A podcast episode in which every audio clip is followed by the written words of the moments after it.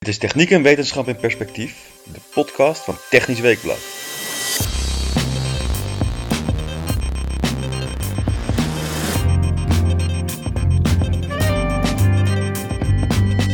Welkom bij de podcast van Technisch Weekblad. Mijn naam is Gerald Schut, redacteur. Ik spreek vandaag met het fenomeen Henry Bontebal. Henry is niet alleen het meest recente lid van de Nederlandse Staten-Generaal namens het CDA, hij is ook natuurkundige. Hij is energieexpert en was strateeg bij de netbeheerder Stedin. Hij heeft over bijna alles een mening en doorgaans is die cijfermatig onderbouwd. Henry, waar word jij als natuurkundige in de energietransitie nou echt blij van? Ja, ik hou nog steeds erg van uh, uh, nieuwe technologische ontwikkelingen. Daar kan ik nog steeds erg van genieten. En met name als het echt iets is wat, uh, wat toch um, um, ja, resultaat is bijvoorbeeld van, uh, van, uh, van de natuurkunde, dan, dan vind ik dat nog steeds gewoon prachtig. Dus, dus ja, ik vind het schitterend om te weten dat bijvoorbeeld dankzij uh, Einstein we nu zonnecellen hebben. Hè? Dus als er geen foto-elektrisch effect was en als Einstein, dat niet, als Einstein daar niet de Nobel, Nobelprijs voor had gehad, dan hadden we nu geen zonnecellen gehad. Nou, dat vind ik, vind ik prachtig. En, en uh, zorgt het ook voor dat, er, dat, dat er nu uh, recente ontdekkingen zijn waar jij uh, van denkt dat die te weinig aandacht krijgen? Ja, nou ja, misschien, um, maar dan krijg, krijg, je natuurlijk gelijk weer een hele discussie over wel of niet kernenergie. Maar wat ik zelf de laatste tijd wel fascinerend vind is um, mm-hmm. um, met name de zoektocht naar van die kleine modulaire kerncentrales. Mijn, mijn gevoel zegt dat daar best wel wat ontwikkelingen, interessante ontwikkelingen zijn, die nog wel wat weinig aandacht krijgen in het, uh, in het publieke debat. Dus daar kijk, daar kijk ik met interesse naar. Maar ik kijk natuurlijk ook heel geïnteresseerd naar alle ontwikkelingen op het gebied bijvoorbeeld van ja. uh, nou ja, nog, nog betere zonnecellen. Hè. Dus er komen weer nieuwe zonnecellen aan die uh, nog een hoger rendement hebben. Uh, nou, dat vind ik ook fascinerend. Nou ja, ik heb pas nog eens een, een, een presentatie gekregen ook van uh, GE, Hitachi. Dat is, uh, ja, die, die bouwen eigenlijk een, ja. uh, zo'n SMR, zoals dat dan heet, zo'n zo'n kleine modulaire kerncentrale. Ja. Um, en zij denken dat ze die in, nou, ik dacht 2027 of 2028 kunnen bouwen tegen lage kosten. Nou, uiteindelijk, het moet allemaal zich maar bewijzen, hè, want de beloftes zijn altijd mooi en de praktijk is altijd veel lastiger.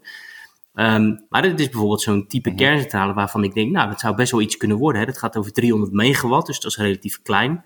Uh, een investering van, ik dacht rond een miljard. Als alles mee zit, zeg ik er meteen bij.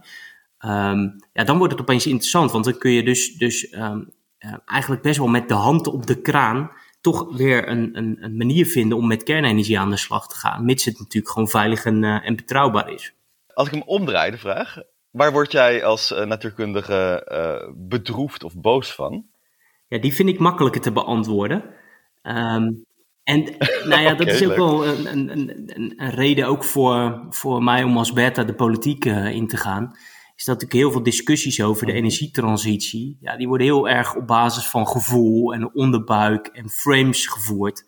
En dat vind ik gewoon ingewikkeld. Hè? Want als je kijkt naar de enorme opgave die er ligt te wachten, Um, ja, dat is gigantisch. Hè? En, en dat wordt vaak veel te simplistisch voorgesteld.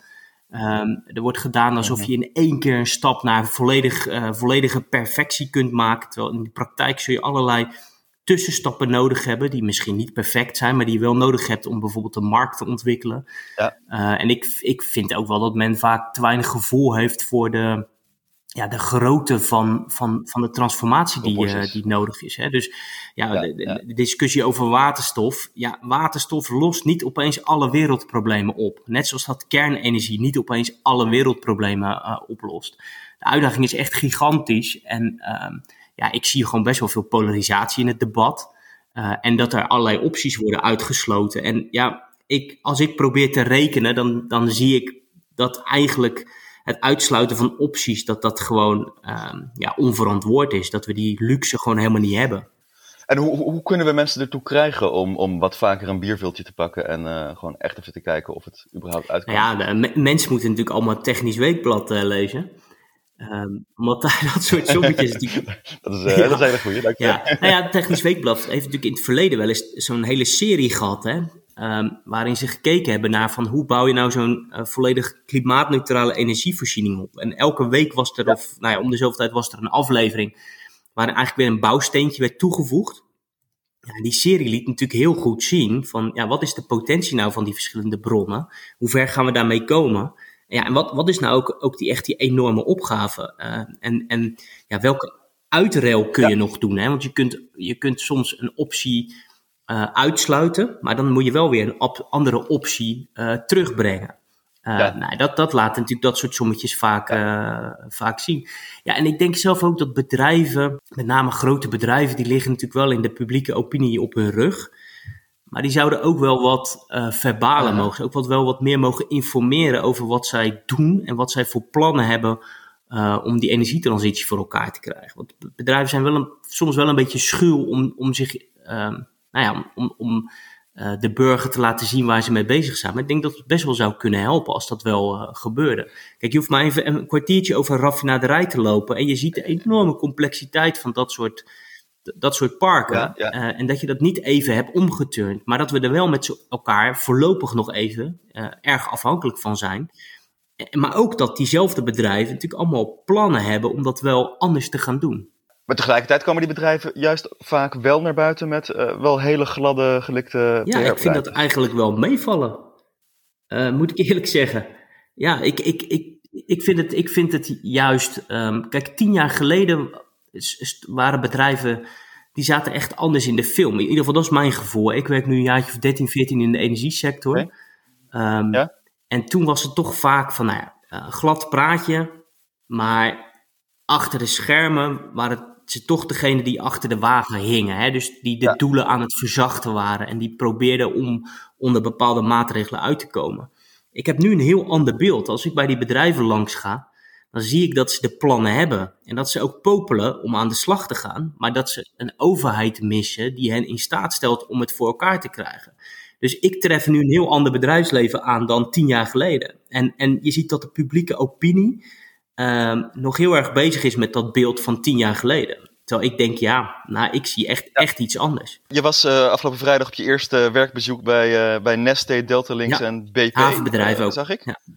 En inderdaad, je vertelde, die, die, die hebben uh, concrete plannen liggen die ze niet kunnen uitvoeren omdat de overheid niet snel genoeg handelt en ja. randvoorwaarden schept, ja. schreef je.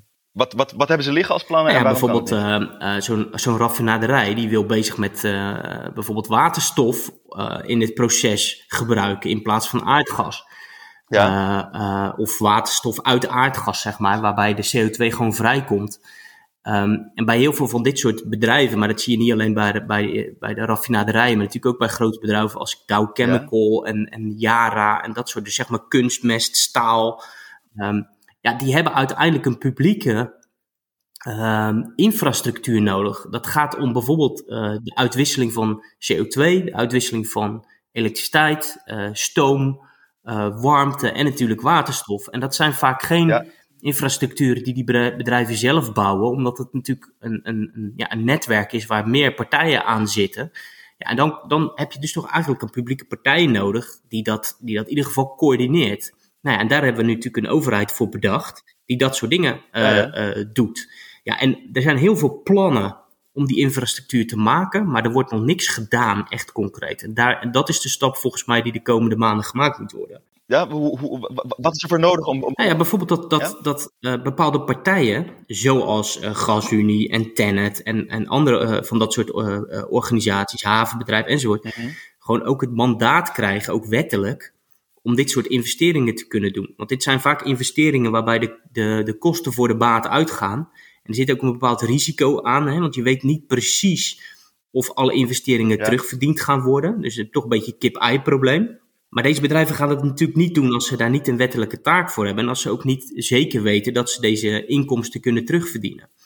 Dus uiteindelijk zit iedereen dan op elkaar te wachten. En ja, ik denk hier is een overheid uh, nodig die dat dan voor elkaar uh, uh, gaat boksen. En ook die partijen gewoon wettelijk die basis geeft om dat te kunnen doen.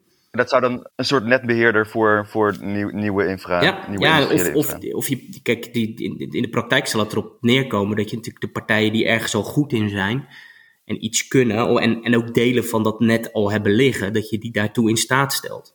Ja, dus het is vrij logisch om, om, uh, mm-hmm. uh, om bijvoorbeeld een partij als GasUnie met, met, met waterstoftransport uh, aan de slag te laten gaan, omdat het uiteindelijk Omdat zij gewoon een groot gasnet hebben liggen. En delen daarvan zouden wellicht gebruikt kunnen worden voor die uh, nieuwe waterstofinfrastructuur. Maar gewoon een heel klein voorbeeldje om het om duidelijk te maken. Kijk, er zijn in het land best wel wat demonstratieprojecten voor waterstof. In, in woonwijken bijvoorbeeld. En dat is vaak technisch om te proberen of het werkt. Ja, um, de, de gaswet staat niet toe dat dat soort partijen met waterstof aan de slag gaan. Gewoon simpelweg omdat de definitie van gas in de gaswet is aardgas en geen waterstof. Dus wettelijk mogen die partijen dat niet doen. Uh, nou, weet je, dat is gewoon een klein, kleine definitiewijziging die nodig is. Uh, maar die moet wel gebeuren, want dat soort partijen gaan niet aan de slag als ze niet daar gewoon netjes een wettelijke basis voor hebben. En waarom is dat dan niet gebeurd? Ja, zeg het maar. Ik weet het niet. Ja, ik denk dat gewoon de ambtelijke molens draaien gewoon heel traag. Dat, ja, dat, ik kan het niet mooi maken. Ik denk, uh, uh, kijk, het is natuurlijk ook best wel complex. Hè? Dus, dus uh, men is nu bezig met een energiewet. ja, dat is natuurlijk een, een enorm wetsvoorstel ja. waar men in heel veel dingen probeert te regelen. want dit is natuurlijk niet het enige issue wat wij hebben. -huh. En we hebben ook nog allerlei andere issues te regelen als het gaat bijvoorbeeld om, om warmtenet en dat soort dingen. Dus ja, daar ligt natuurlijk gewoon heel veel werk. En ik snap ook wel dat je dat niet binnen twee weken kan, uh, kan oplossen. Nee, nee, maar, maar, maar, maar, dit soort ideeën, die hoor je al jaren. Uh, en, en... Ja, ik, ik zou zeggen, uh, het mag wel een tandje sneller. En ik vind het mijn rol als Kamerlid om daar dan ja, ja, op te duwen. Die nieuwe infra die nodig is, daar valt Portals ook onder, of niet? ja, zeker, ja. Lost dat een, een, een hoop op, dat het er nou lijkt het echt gaat komen? Kijk, ik, ik, ik vind het uh, goed nieuws dat het project door lijkt te gaan. Um, kijk, CCS blijft natuurlijk uh, niet de allermooiste route. Hè. Het is ook omdat we te laat begonnen zijn. Ja. Maar ja, alle scenario's die ik zie, daar is CO2-afvang en opslag gewoon nodig. Dus um, uiteindelijk gaat het natuurlijk cumulatief om hoeveel, je, hoeveel CO2 je in de atmosfeer laat lopen. En alle stappen die je nu kunt zetten om dat in ieder geval te beperken. Uh, om straks misschien, ja, om daarmee ook eigenlijk een beetje tijd te kopen om, om over te stappen op weer andere technologie. Dat, dat is een goede zaak. Daarnaast is CCS eigenlijk best wel kosteneffectief. Um, um, en daarnaast denk ik ook dat er nog wel een soort, soort um, ja, spin-off uh, economische factor bij zit. Het is denk ik best wel mooi dat we nou ja, dat, dat de Europees gezien dit project hier plaatsvindt, hè, voor de kust van Rotterdam. Ik denk dat het, dat dat goed is en dat het ook echt wel een visitekaartje, denk ik, uh, voor, voor, voor Nederland. Dus, uh, en Porter staat natuurlijk niet op zichzelf, dat hangt natuurlijk helemaal samen met, met die andere plannen voor verduurzaming van die industrie, ook waterstof ja. en, enzovoort. Dus uh, het is een bouwsteen, een stukje van de puzzel die we nodig hebben om de industrie uh, uh, te verduurzamen. En ik denk dat het hartstikke goed is dat het project straks uh, doorgaat. Uh, volgende stap daarin, CCS als tussenstap blauwe waterstof. uiteindelijk hebben we groene waterstof nodig. Um, ik zag dat jij in je eerste commissievergadering daar ook wat over zei. Dat je eigenlijk voor, voor electrolyzers we niet zouden moeten kijken naar de herkomst van de stroom als we ze gaan subsidiëren. Terwijl ik je ook eerder heb uh, zien zeggen, uh, van je, je moet juist niet te snel gaan met het waterstof. Want als je te snel waterstof gaat maken uit, uh, uit gascentrales, dan zorgt het voor meer CO2-uitstoot. Hoe ja. weeg je die twee tegen elkaar af? Ja. Nou ja, ik zou dus niet zeggen dat je helemaal niet moet kijken, maar ik heb de vraag gesteld van um, of het wel handig is om alles steeds maar aan elkaar te blijven ja. knopen en om meteen te streven naar perfectie. Want um, uiteindelijk die waterstofmarkt, ja, die, is, eh, die, die moet je ontwikkelen. Um, en die ga je in ieder geval niet ontwikkelen door meteen alle kaarten op groene waterstof te zetten. Uh, je hebt dus daar een, een tussenstap nodig. Hè? Dus het gaat niet alleen om hoe produceer je die waterstof, maar ook liggen er gewoon, uh, ligt er gewoon een netwerk om het te transporteren. Ja. Uh, zit, zit er wet en regelgeving om die die het, die het mogelijk maakt. Zijn er bedrijven die het produceren, maar ook bedrijven die het afnemen, zodat er gewoon afnamecontracten mm kunnen plaatsvinden. Um, en zo bouw je zo'n markt op. Um, en door het meteen helemaal dicht te reguleren of, of te strenge voorwaarden te stellen aan de kleur van waterstof, ja. kan je zo'n markt ook kapot maken. Ja, maar op lange termijn kleur wil je van waterstof. Um, maar, maar ja. dit ging over de herkomst van de stroom voor die electrolyzers. Ja, maar dat, dat, dat hangt natuurlijk heel erg samen met de kleur van waterstof. Kijk, als je, als je groene waterstof wil maken, doe je dat ja. met elektrolyse. En, en dus heb je groene stroom in je elektrolyse ja. nodig. Kijk, het is ook een beetje een definitiekwestie. Hè? Want stel nu dat, dat, je, dat je gewoon gebruik maakt van de elektriciteitsmix zoals die op dat moment mm -hmm. is. ja, wat voor kleur heeft die waterstof dan? Ja, ik denk dat in, in, in de volksmond wordt hij dan groen, groen genoemd. Nou ja, dat is maar de vraag. Kijk, dat is een definitiekwestie, maar de meeste mensen zeggen van ja, het is pas groen op het moment dat er alleen groene stroom ingaat. Maar hoe borg je dat er groene stroom ingaat? Kijk, op het moment dat je een windpark op zee hebt um, en je hebt daar geen uh, elektriciteitskabel, maar je gaat meteen uh, op zee met een elektrolyzer de stroom die die windmolens produceren omzetten in waterstof, ja, dan weet je zeker, het is 100% groene waterstof. Maar op het moment dat het gewoon naar land gaat en er staat daar in het elektriciteitsnet een elektrolyzer te draaien, ja, weet je, we hebben een soort koperen plaat. Wie weet waar de stroom vandaan komt. En je kunt op allerlei manieren daaraan rekenen. Je kunt ook zeggen, ja, we pakken op dat moment gewoon de gemiddelde elektriciteitsmix. Nou, dan zeggen andere mensen weer van ja, nee, maar we gaan met garanties van oorsprong handelen. dus, je, dus als jij 10 kilowattuur omzet in groene waterstof, dan moeten ja. daar voor 10 kilowattuur eh, garanties van oorsprong van een duurzame energiebron uh, aanhangen. Ja, die certificatie, certificatenhandel, daar heb ik uh, best wel grote twijfels bij. Um, en dan krijg je weer allerlei stammenstrijden van um, wat voor uh, garanties ja, ja. van oorsprong moeten dat zijn. Dan zal de ene weer zeggen, ja, dat mag alleen maar windenergie op zee uit Nederland zijn. De volgende zal zeggen, ja, maar waarom kan het niet gewoon ook waterkracht uit Denemarken of, of, of Zweden zijn? En een derde zal zeggen, nou ja, zonnepark in Duitsland, dat moet ook kunnen. Dus zeg het maar, wat is groene stroom?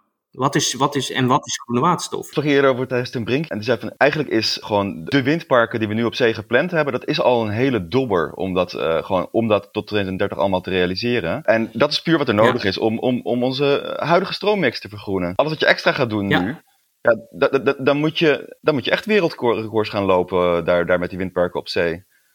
Ja, Dus ook- dat klopt. Hè. Dus, dus ehm, ehm, ehm, zeg maar, die, die, dat was mijn andere punt. Dat, dat, eh, daar refereerde je net aan. En die, diezelfde vraag heb ik ook, ook in een interruptie aan eh, de staatssecretaris gesteld. Van, ja. Kijk, je kunt namelijk ook te snel met groene waterstof Ja. beginnen. Want dan ben je eigenlijk kostbare groene stroom die je eigenlijk gewoon al lang nodig had voor, je, voor de verduurzaming van je elektriciteitsmix. Ja, die ben je dan eerst aan het omzetten in waterstof en daarna ga je er weer wat anders mee doen. Dus dat is in die, in die zin, als je dat te snel doet, gooi je eigenlijk hele nuttige groene stroom weg. Maar hoe zorg je ervoor dat we niet te snel gaan dan in jouw voorstel? Ja, ik, ik vind dat lastig, omdat je hier gewoon geen optimaal pad eh, kan uittekenen. Dus, dus dit wordt ergens zoeken naar een balans. En ik kan je nu niet zeggen van, nou, die ligt precies daar. Want kijk, ehm, ehm, ik, ik denk wel dat je dus af en toe wat minder efficiënte dingen moet doen om überhaupt een markt op gang te helpen. Dus als je zegt, Mhm. ik wil alleen maar de meest rationele, meest energie-efficiënte oplossing, dan ga je geen markten kunnen ontwikkelen. En omdat het gewoon echt een meerdimensioneel probleem is, ja, is dat denk ik te kortzichtig. Dus je zult wel projecten moeten hebben om een start te maken. Maar als je dat te grootschalig doet, ja, op systeemniveau ga je dan domme keuzes maken. Dus je moet daar denk ik wel een soort van hand aan de kraan houden. En steeds die ontwikkeling blijven volgen en dan een transitiepad schetsen van, nou ja, je begint misschien met blauwe waterstof, maar op termijn zou je dus moeten overstappen. En ja, dat zal ook dan afhangen van een heleboel andere dingen, zoals de kostprijs van electrolyzers, of er een internationale waterstofmarkt op gang komt, dat allemaal van dat soort Ja. zaken. Maar dan nog steeds, als, als, zoals jij zei, als je stelt het is onverstandig om eisen te stellen aan de her- herkomst van eh, de stroom voor electrolyzers, dan weet je zeker dat je te snel gaat. Eh, hoe bedoel je? Nou ja, dan ga je dus met de huidige stroommix die electrolyzers voeden en dan eh, boek je achteruitgang. Als je, als je niet, als je zegt we nemen een, een, een, een Ja. hoekje van de tuin waar we eh, niet op de herkomst letten en daar gaan we dingen proberen, nou fair enough. Maar als je zegt voor de hele, voor de hele tuin, eh, Nou, de- ik, ik weet niet precies. Ik, dan moet ik even terug, zelf even teruglezen wat ik in het debat daarover gezegd heb. Wat ik in ieder geval heb willen zeggen Ja. is. ehm, kijk, als je dat nu doet op basis van de huidige elektriciteitsmix. en je gaat nu massaal gewoon elektrolyzers in het net zetten. op basis van de huidige stroommix. is dat, was, is, is dat, is dat geen verstandige keus. Omdat, omdat, je, omdat je dan energetisch gezien. ben je niet iets heel verstandigs aan het doen. En maar op het moment dus dat die elektriciteitsmix voor een heel groot gedeelte uit hernieuwbare elektriciteitsbronnen komt, dan kun je daarover na gaan denken. Dat is ook een beetje wat, eh, wat, wat de inbreng van het kabinet was bij die waterstofstrategie. Want als Kamerlid reageer je natuurlijk op de stukken die je krijgt. En in die, een van die stukken ging het over met name die, ehm, die CO2-intensiteit, die, uh, die wel degelijk ook door de commissie wordt meegenomen. Ik, dacht, ik geloof iets van 100 gram per, eh, per kilowattuur of zo. Nou ja, wat, je natuurlijk in, wat je natuurlijk in de Kamer meteen ziet, is partijen die zeggen: ja, maar het moet 100% helemaal groen zijn. Uh, op basis van liefst nog groene stroom uit Nederland. En dan ook nog uit bronnen die zij acceptabel vinden, namelijk alleen wind en zon. Dus dat mag dan ook al niet biomassa of iets anders zijn. Kernenergie mag dan ook al niet. En daar heb ik gewoon tegen willen reageren. Van ja, weet je, als je dat te snel allemaal dichtgooit, dan, dan gebeurt er helemaal niks. Ja, oké, oké. Ik, ik, begrijp wat je zegt. Maar zeg maar nu massaal in je elektriciteitsnet allemaal elektrolyse gaan neerzetten, dat, dat, lijkt, mij, uh, dat lijkt mij onverstandig. Ja, ja nee, uh, helder. Over zonneparken. Uh, je, je, had een, een tijdje geleden een, een mooi grafiekje gepubliceerd met hoeveel watt per kilowattuur opbrengst uh, aan in, infrastructuur er nodig is. En je, je vatte dat samen als een, een, zonnepark gebruikt eigenlijk relatief veel kabel en transformator per kilowattuur die ze opwekken. Dat zijn collectieve kosten. En ja, de vraag is of die hoge collectieve kosten of het eerlijk is dat wij die met z'n allen betalen. Ik vind van niet. Heb, heb, je daar een, een, een, voorstel voor om die kosten te, te verdelen? Hoe, hoe, hoe, hoe, hoe zou het wel eerlijk zijn? Ja, dat is, kijk, uh, het is ook een vrij complexe discussie. Hè? Maar um, kijk, wat het geval is, is dat wij hebben in Nederland geen producententarief. En dat, daarmee wordt bedoeld dat uh, de kosten van je elektriciteitstransport, die zitten in de nettarieven, maar die wordt in Nederland alleen door de afnemers betaald. En daar is destijds voor gekozen, was best wel logisch, want ja, je moet ergens een, een verdelingsmechanisme kiezen. En daar, men heeft destijds gezegd, nou ja, de producenten van elektriciteit produceren voor de verbruikers. Dus als we het bij de verbruikers neerleggen, dan, dan komt het wel goed. Alleen wat je nu ziet, is dat de kosten uh, voor het voor het, uh, voor het elektriciteitstransport bij de verschillende producenten wel sterk begint te verschillen. En dat heb ik geprobeerd te laten zien met dat, uh, met dat grafiekje. En je ziet dus dat eigenlijk per kilowattuur heb je voor bijvoorbeeld zon heb je meer, ja, gewoon meer vermogen uh, aan kabels en transformators nodig om die stroom weg te krijgen. Nou, die kosten die zitten dus niet in de factuur die zo'n eigenaar van een zonnepark krijgt. Die factuur betalen wij met z'n allen. Nou, dat, dan heb je het over de wat, liep, wat, de wat dieper liggende systeemkosten. Die verschillen en die worden op dit moment niet helemaal eerlijk doorbelast in uh, die, de business case van die, uh, van, die, uh, van die producenten. Nou, dan kan je twee routes kiezen. Hè. Je kan zeggen, ik uh, ga een ingewikkeld systeem verzinnen om dat wel voor elkaar te krijgen. Nou, dan heb je het bijvoorbeeld over het producententarief. Dan ga je dan toch weer een tarief invoeren voor producenten. Dat betekent dus dat het bij hun duurder wordt. En dan zou je ook, als je een zonnepark wil bouwen, dus ook iets meer subsidie moeten gaan geven. Hè, omdat het anders uh, niet meer uitkomt. Dat is zeg maar de keerzijde daarvan. Maar dan krijg je tenminste wel een soort gelijk speelveld tussen die producenten.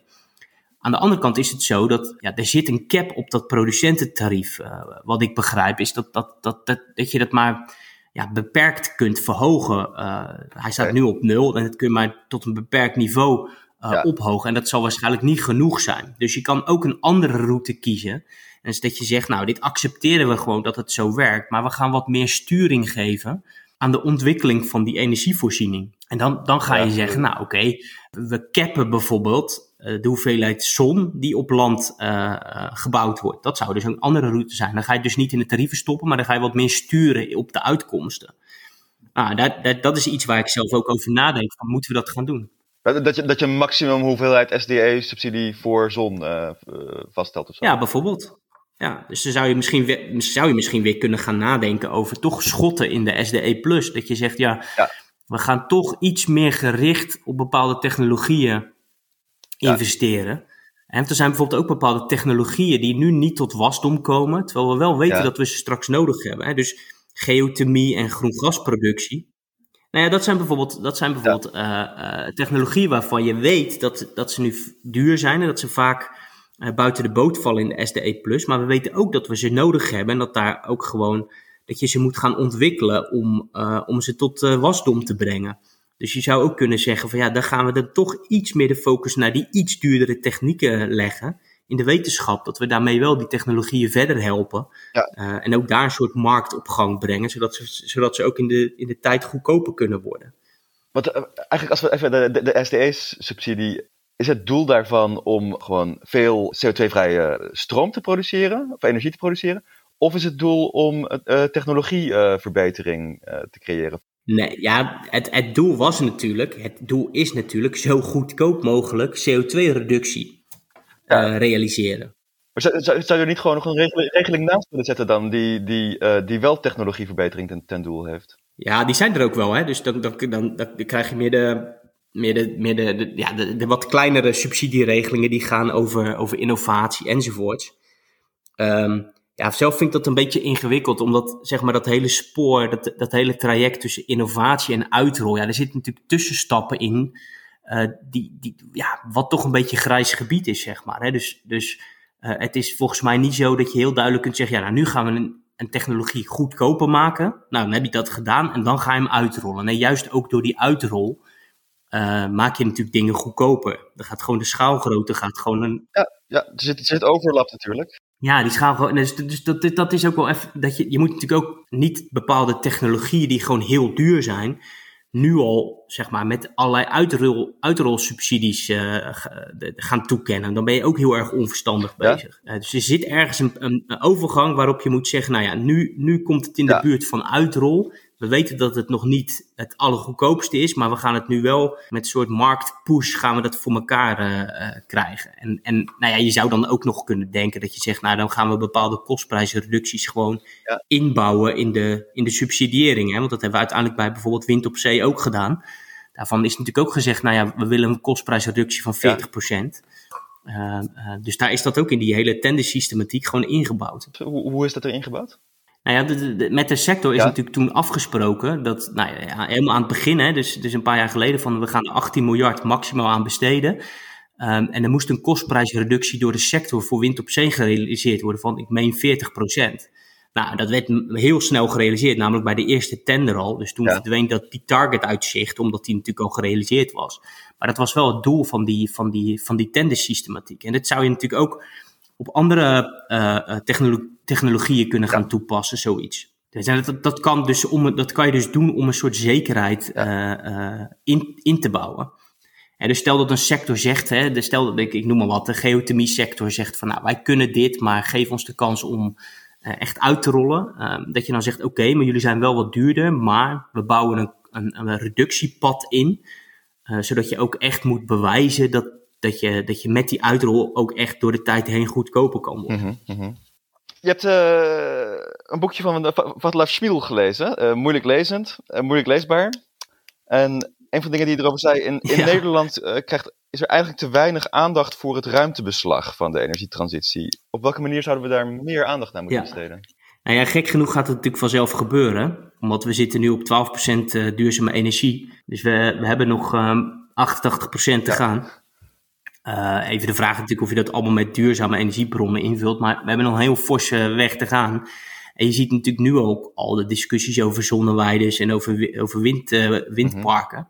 Mm -hmm. de, de, hele restsystematiek, bij de, bij de gemeentes zijn ze daar druk mee bezig. Je ziet ook, ook, ook, ook daar af en toe weerstand. dus ik denk dat dat hele aspect van ruimtelijke impact, dat dat vanzelf nog wel gaat komen. Je ziet het wel steeds meer. Hè? Dus het is natuurlijk uh, de, de, de, de, zogenaamde zonneladder. Hè? Dus dat men de vraag stelde: van, ja, is het ja. wel verstandig om uh, zonneweiden te bouwen als er nog heel veel dakoppervlak is wat we kunnen benutten? Um, maar wat, wat, je, wat, je, wat, ik, wat ik mis, dat zijn eigenlijk twee dingen. Is dat wij uh, veel te weinig systeemstudies ja. doen.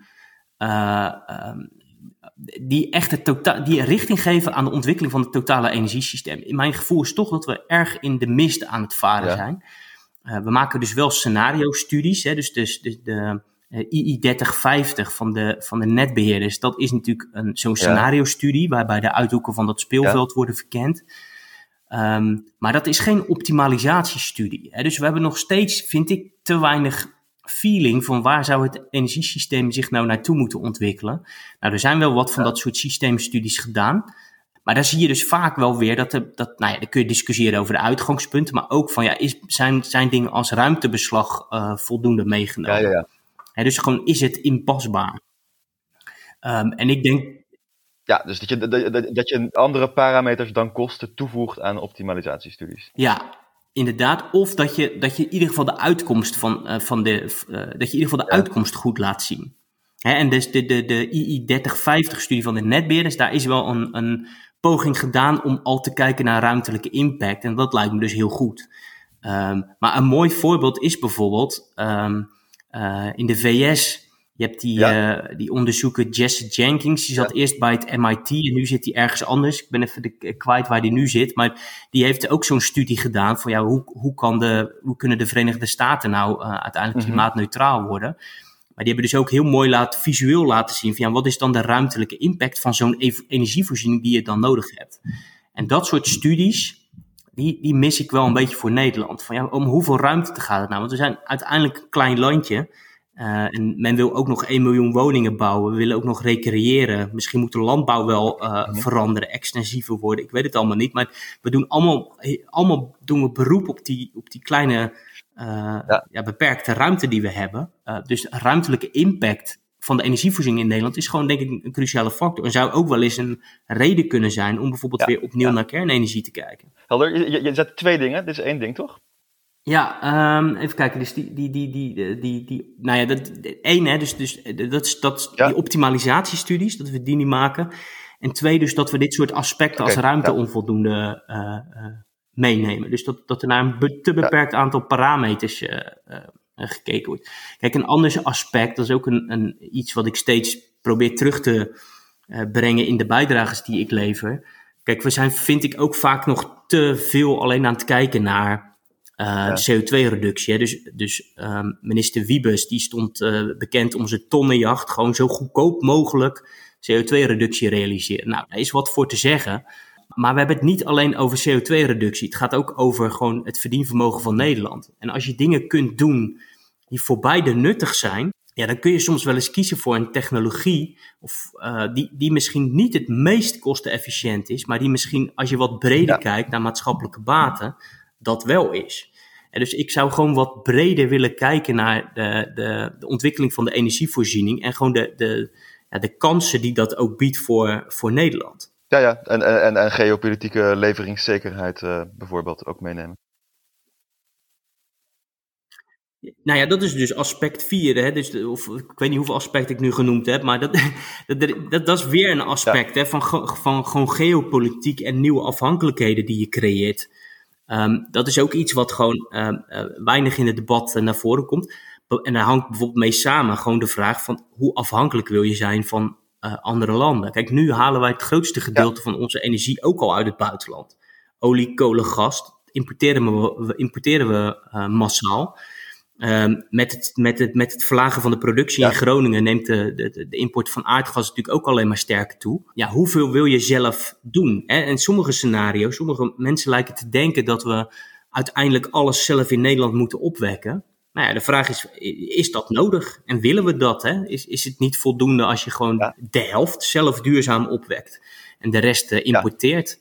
Ja. Um, uh, en welke, afhankelijke, welke afhankelijkheden creëer je dan?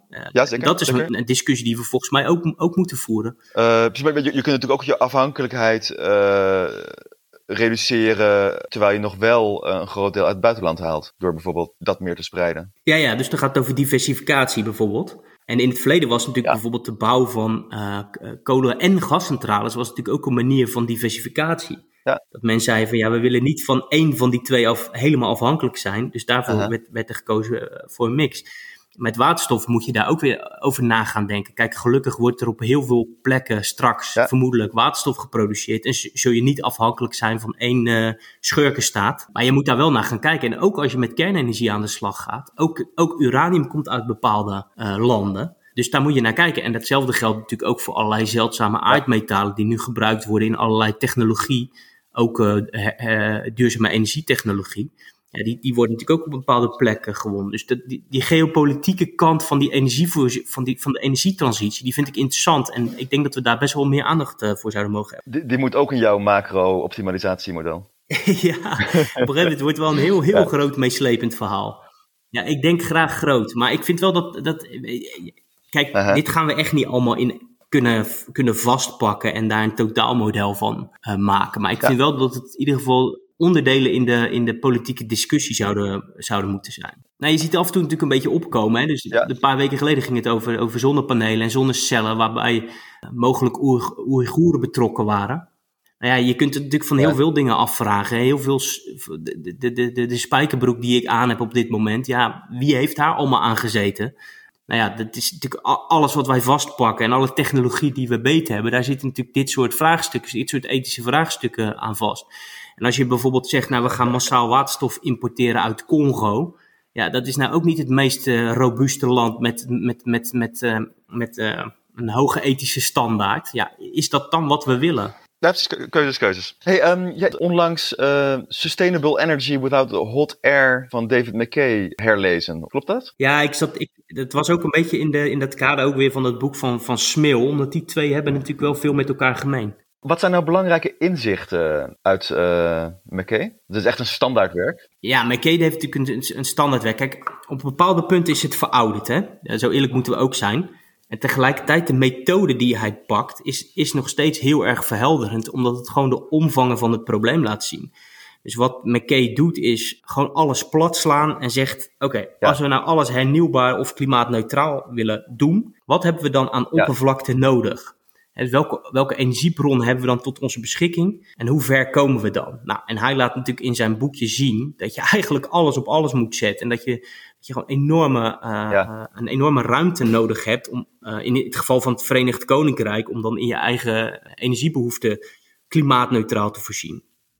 Kijk, op bepaalde punten is die denk ik, is, dit, is dit wel weer wat achterhaald bijvoorbeeld als het gaat over. Inmiddels is die opgave kleiner geworden, toch? Door uh, technologieverbetering. Ja, en ook bijvoorbeeld, je ziet, je ziet bijvoorbeeld dat, dat die bij, bij wind op zee is die bijvoorbeeld echt uh, te pessimistisch. Dan zie je gewoon dat hij dat dat nou, met windturbines rekent, die, uh, terwijl op wind op zee echt al veel verder is dan dat. Kan je die man ook niet kwalijk nemen, want hij heeft dat toen gedaan met, met, met, met beste inzicht. Uh, dus dat is, dus maar, maar zijn methode is denk ik nog steeds gewoon heel nuttig, omdat hij, omdat hij het gewoon zo plat slaat. En dus je kunt heel veel praten over de energievoorziening, maar uiteindelijk moet het ook gewoon rondrekenen. En dat is wat hij natuurlijk probeert te doen. Mm En eigenlijk is wat jullie in het Technisch Weekblad hebben gedaan, was natuurlijk een exercitie à la David McKay. Ja, precies. Je pakt er een heel groot bierviltje bij. ja, maar, ja, maar dat is wel ontzettend nuttig. Ja. Want um, Kijk, niemand weet precies hoe, die, hoe de energievoorziening in 2050 eruit ziet. En, en er zitten zoveel parameters waarvan je niet precies weet hoe ze zich ontwikkelen. Maar ordegroottes heb je wel. En, en rekenen met ordegroottes is al heel, heel, heel nuttig. Dus, dus ja, als je heel Nederland wil voorzien met, met zonnestroom, hoeveel heb je dan nodig? Is dat uh, de stad Rotterdam of is dat drie keer Nederland? Dat maakt nogal uit. En dat soort cijfers zijn natuurlijk ontzettend nuttig om gewoon uh, om, om, om te weten. Misschien een bruggetje. Volgens mij is heeft mijn voorganger bij TV, uh, Mark van Baal, uh, een groot deel van die uh, energiereeks geschreven. En die is nu activistisch aandeelhouder bij Shell om koers te vergroenen via de aandeelhoudersvergadering. En tegelijkertijd heeft net Milieudefensie dat via de rechtszaal ja. geprobeerd. Vind je dat eigenlijk hetzelfde ja. of zie je daar grote verschillen tussen? Nee, ik vind daar wel een heel groot verschil tussen zitten, ja. De route via de aandeelhouder en druk doen, de druk uitvoeren op zo'n bedrijf als aandeelhouder vind ik een hele andere route als een NGO die in de rechtszaal uh, dat afdwingt. Dat, dat vind ik wel echt iets heel verschillends, ja. Ja, precies. Dat, dat, dat vermoed ik ook, maar even checken. Ik, ik vind het zelf, die aandeelhoudersroute vind ik heel interessant en heel, veel, heel bijzonder. Omdat je, en je ziet dat natuurlijk, en niet alleen Mark van Baal doen, en ook er zijn natuurlijk heel veel aandeelhouders die uh, ja. ja steek, steeds actiever hun beleggingsportefeuille tegen het licht houden en op, op duurzaamheidsprestaties bekijken. En die druk, ook van financiële instellingen op dat soort bedrijven, is hartstikke goed. Dus dat, dat vind ik al, dat, dat juich ik toe. Dat vind, dat, vind ik, dat vind ik een hele goede vorm van uh, ja, het verder verduurzamen van die bedrijven. Uh, iets, iets heel anders. Kijk, katholieken en protestanten eigenlijk verschillend tegen klimaatverandering aan?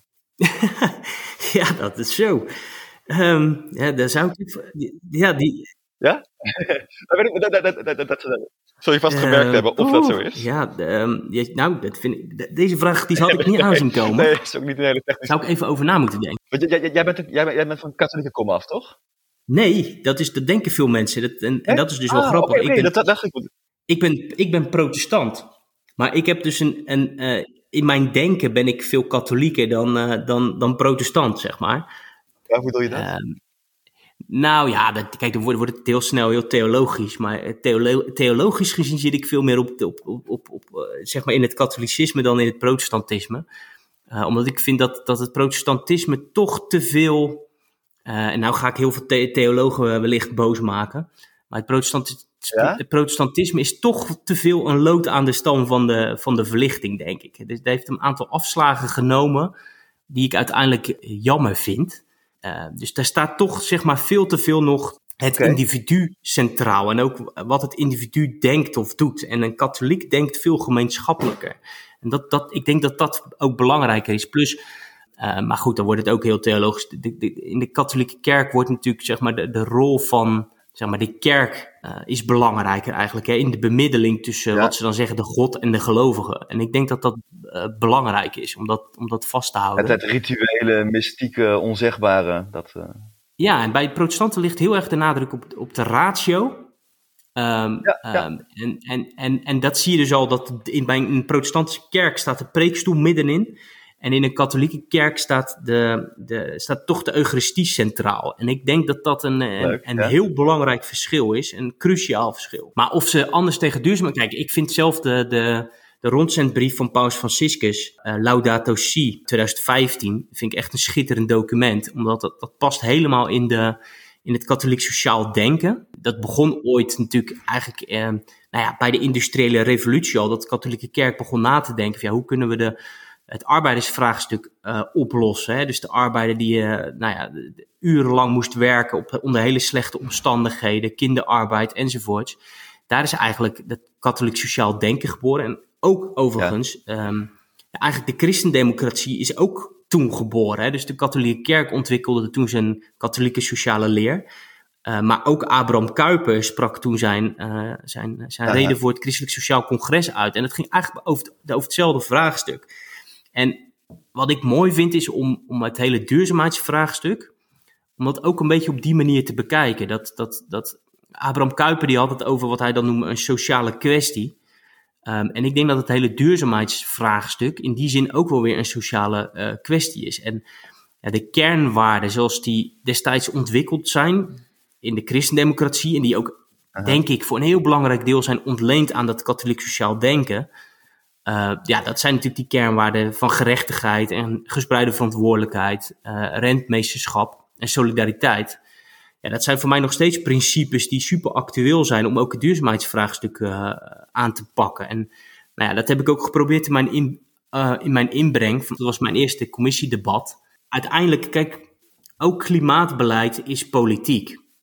Dus klimaatwetenschap is niet politiek als het goed is, maar de manier waarop je dan als politiek aan de slag gaat met maatregelen, daar speelt politieke ideologie wel degelijk een rol. Dus ik sta daar niet blanco, ik sta daar met een bepaald vertrekpunt. Ja, en dat heb ik willen aangeven. En ik sta dan dus wel met mijn poten in, uh, ja, in ja. de ideologie van, van de christendemocratie. En daar spelen die, die, uh, ja, die kernwaarden zoals solidariteit en gerechtigheid en rentmeesterschap ja. een cruciale rol. En in de punten die, waar ik mee ben begonnen, namelijk ja, solidair, of, uh, rentmeesterschap, de Europese aanpak, uh, het verdienvermogen van Nederland en dat het sociaal en rechtvaardig moet zijn. Dat is natuurlijk helemaal terug te leiden op die principes die ik net noemde. Is dat een soort van antwoord op jouw vraag? Ja, ja ik, ik, vind het, ik vind het een hele leuke, leuke bespiegeling. Maar hier kan ik nog uren over doorpraten, dus je moet zelf op een gegeven moment de grens trekken. Nee, ik, ik, zat me nou af te vragen, uh, koolstofbudgetten. Dat is uh, voor mij eigenlijk een relatief nieuw uh, concept, wat ik ook uh, waar, ik de, de, urgentie van ben gaan uh, zien, denk ik. Ja. Dan binnen van de groep, met, met name. ja, ja. Um, dat, de, gewoon die urgentie, komt die voldoende terug? Het, het, idee dat als we niet nu heel hard emissies gaan beperken, dat dan gewoon over 7 tot 10 jaar het op is en dat we dan in 2030 op nul moeten zitten in plaats van op de helft. Te, uh, en dat als we nu bezig zijn met plannetjes maken om in 2030 op de helft te zitten, dan is dat niet genoeg. Hoe, hoe, hoe verhoudt dat zich tot het rentmeesterschap? Nou ja, kijk, uiteindelijk is dat natuurlijk een soort. Zijn dat zeg maar de grenzen waarbinnen het moet? Het, is, het lastige is natuurlijk dat dat geen harde grenzen zijn. Hè? Omdat ik. Ik heb daar ook wel gesprekken met experts over gehad. Ja. Van ja, wat is dat koolstofbudget nou en wat is dat nou voor Nederland? Het lastige is dat daar allemaal. Kijk, sowieso begint het met de vraag: wat vind je acceptabel? Anderhalve graad, ja. twee graad, iets daartussen. Dus dat bepaalt het koolstofbudget al. Ja, vervolgens is de vraag: in hoeverre gok je op. Nou ja, gok is misschien een negatief woord, maar in hoeverre hou je rekening met bijvoorbeeld iets als negatieve emissies op langere termijn? Dus, dus dat, dat, is al een keuze. En dan vervolgens komt de vraag: hoe verdeel je het dan? dus je kunt zeggen: ik vind dat iedereen gelijk aan elk hoofd van de wereldbevolking moet dezelfde uh, footprint hebben en heeft daar recht op? Of zeg je toch van nee, rijke landen moeten van verder komen en die ontwikkelen ook de technologie als het goed is voor arme landen om straks te kunnen verduurzamen. Dus daar vragen we meer van. En tegelijkertijd geven ze ook iets meer ruimte om nou ja, van hun huidige uh, afdruk naar, naar, naar, naar een, een, toekomstige afdruk te komen. Dus er zitten heel veel keuzemomenten in hoe je dat dan, hoe je dat koolstofbudget dan bepaalt voor, voor Nederland. Ja. Dus ik zit daar zelf eerlijk gezegd ook nog mee te worstelen. Maar is het niet zelfs zo dat als je, als als je daar heel voordelig in rekent voor Nederland, uh, dat je dan nog altijd uitkomt dat, dat het eigenlijk sneller moet Ja, daar moet ik zelf nog eens beter induiken. Ik, ik heb daar wel ideeën bij, maar ik, ik moet dat beter, ik moet dat voor mezelf beter nog op een rijtje zetten. Kijk, het PBL heeft destijds natuurlijk bij het vorige regeerakkoord gezegd, nou, om in uh, lijn met Parijs te blijven, um, um, moet je 49% uh, doen als Nederland. Nou, daar zitten natuurlijk een aantal van die keuzes uh, ingebakken. Um, en ik zou wel eens van het PBL willen weten, van als ze dat sommetje nu weer zouden moeten doen, ja, waar, waar zouden ze dan op uitkomen? Maar ik kan je nu niet precies, ik kan je nu niet precies zeggen, van, nou, dat zou zoveel procent uh, moeten zijn. Ook natuurlijk wel, omdat daar voor een deel ook gewoon wel politieke keuzes in zitten. Helder. Maar het heeft wel mijn aandacht. En ik zal je eerlijk zeggen dat ik daar gewoon ook in mijn hoofd nog mee bezig ben. Ja, ja, ja interessant. Uh, zijn er belangrijke dingen waar, waar, jij over van mening veranderd bent in de, in de tijd dat jij aan energie werkt? Um, nou, dan heb ik het even over de afgelopen 13 jaar dan. Ik ben toch, um, denk ik, op het gebied van kernenergie wel wat veranderd, denk ik.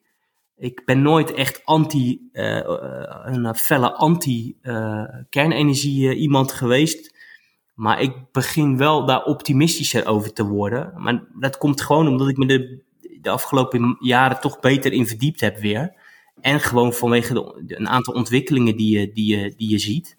Ja, even denken, zijn er andere dingen waar ik. Uh, nou ja, misschien dat ik, meer, dat ik wel meer oog heb gekregen, ook gewoon voor nou, dat, dat punt van dat verdienvermogen. Dat je dus ook echt gewoon moet nadenken hoe, hoe, je, hoe je daar iets mee kan dat je dus eigenlijk veel meer, dimen, meer dimensionaal naar je energiebeleid moet kijken. Dat, dat is denk ik iets waar ik denk ik wel uh, anders in ben gaan denken. Ja, er zijn denk ik best wel wat, wat veel punten, maar die kan ik nu niet zo uh, ja, ja. noemen. Nee, zijn er dingen waarvan jij denkt dat ik daar anders over ben gaan denken? daar daar, daar, daar uh, volg ik jou nog niet lang genoeg voor, dat kan, kan, ik niet zeggen. Oké, okay, nou dat is mooi. Nou, misschien, ook de, misschien ook nog wel de, de misschien nog één punt ik denk dat ik optimistischer over grote bedrijven ben geworden. Uh, Oké. En dat heeft het gewoon mee te maken door dat ik, dat ik, uh, dat ik gewoon echt wel daar beweging zie.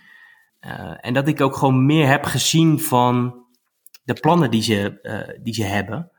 En ook het besef hoe complex het soms is. Um, en dat, dat, dat zeg maar, het uitspelen van grote tegen ja. kleine bedrijven, dat dat echt, dat dat echt nonsens is. Hè? Dus als je naar zo'n, naar zo'n, zo'n botlek gaat, uh, zo'n havenindustrieel complex in Rotterdam, ja. alles hangt met elkaar samen. Ja, dus, dus ook fysiek. Als je naar zo'n plant gaat, ja, weet je, de, de, de, de, de leidingen die over het terrein lopen, die lopen naar de buren waar waterstof wordt uitgewisseld. Die zitten ja, niet voor niks aan elkaar vast. Het is één groot verknoopt ecosysteem.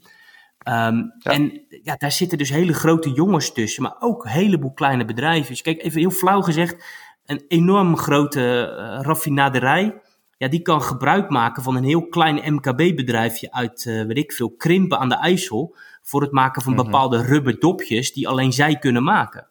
En zo, zo is ja, het natuurlijk ja, ja. ook. Het zijn, zijn ecosystemen die aan elkaar samenhangen. En je kan niet zomaar zeggen van, nou ja, we halen één puzzel uit, of één puzzelstukje uit het hele ecosysteem en dan blijft het ecosysteem wel doordraaien. Dus, dat, dus die tegenstelling tussen groot en klein, dat, dat, dat ben ik veel minder gaan zien. Ik ben het veel meer gaan bekijken als, als ecosystemen ja. die elkaar op allerlei manieren gewoon nodig hebben. Ja, interessante. Leuk. Zijn we ook terug bij het begin van het gesprek. Uh, is, is er nog iets um, wat ik je eigenlijk had moeten vragen? um. Um, nou, je had kunnen vragen. Uh, stel je mag een medisch speech houden, waar ga je die dan over houden? Oké, okay, nou. Ja, ik ben, daar natuurlijk een beetje nu, ik ben daar natuurlijk een beetje over aan het puzzelen. Maar ja. um, ik wil zoveel zeggen dat, dat, dat, dat, dat ik een bijna een soort Fidel Castro-achtige lengte zou moeten gaan hebben voor mijn speech. Zeven uur. Ja, ja maar dus dat gaan we niet doen. Um, um, en ik hou zelf ook wel veel van allerlei cultuur, filosofische beschouwingen. Maar dan, daarvan zegt mijn vrouw ook van ja, moet je dat nou wel doen? um, uh, uh, mijn vrouw is heel verstandig, dus daar luister ik dan naar wat ik, wat ik denk ik het mooiste vind, is ook gewoon om die ervaringen in te brengen van de afgelopen jaren. Van al die mensen die ik heb ontmoet, die met hart en ziel en passie en kennis keihard werken aan de energietransitie. En dat is zowel de persoon die aan de keukentafel een energiecoöperatie runt, als die tuinder die een geweldig kassencomplex heeft en de beste tomaten ter wereld produceert en elke liter water en elke energiehoeveelheid, dat, daar kijkt hij naar, naar innoveert hij. Mhm. Als die plant manager bij een groot oliebedrijf die nu al bedenkt van hoe kan ik een raffinaderij klimaatneutraal maken in, in, in 20, 30, 40 of 50. Ja, en al die mensen die staan elke dag op met het idee om de wereld iets mooier te maken. En ik vind dat die mensen een platform verdienen. En dat dat ook is waar, wat, wat je steeds in je achterhoofd moet houden als politicus. Van voor hen doe je het. Een, een politicus maakt niks. Die maakt de energietransitie niet. Die faciliteert dat dat soort mensen met al hun passie en creativiteit aan de slag kunnen. Want uiteindelijk zijn dat de mensen die die, die, die omslag uh, uh, maken. En ja, ik, ik neem voor dat soort mensen mijn hoed uh, af. Mm -hmm. Weet je al wanneer je hem gaat houden, je medespeech? Nee, nee. Nou ja, dat is, dat is, dat, dat, is altijd een plenaire vergadering. Waarbij je je medische speech kan houden. Dus um, ja, en het reces komt er natuurlijk aan. Dus um, moet even kijken of dat nog voor de, het reces kan of daarna.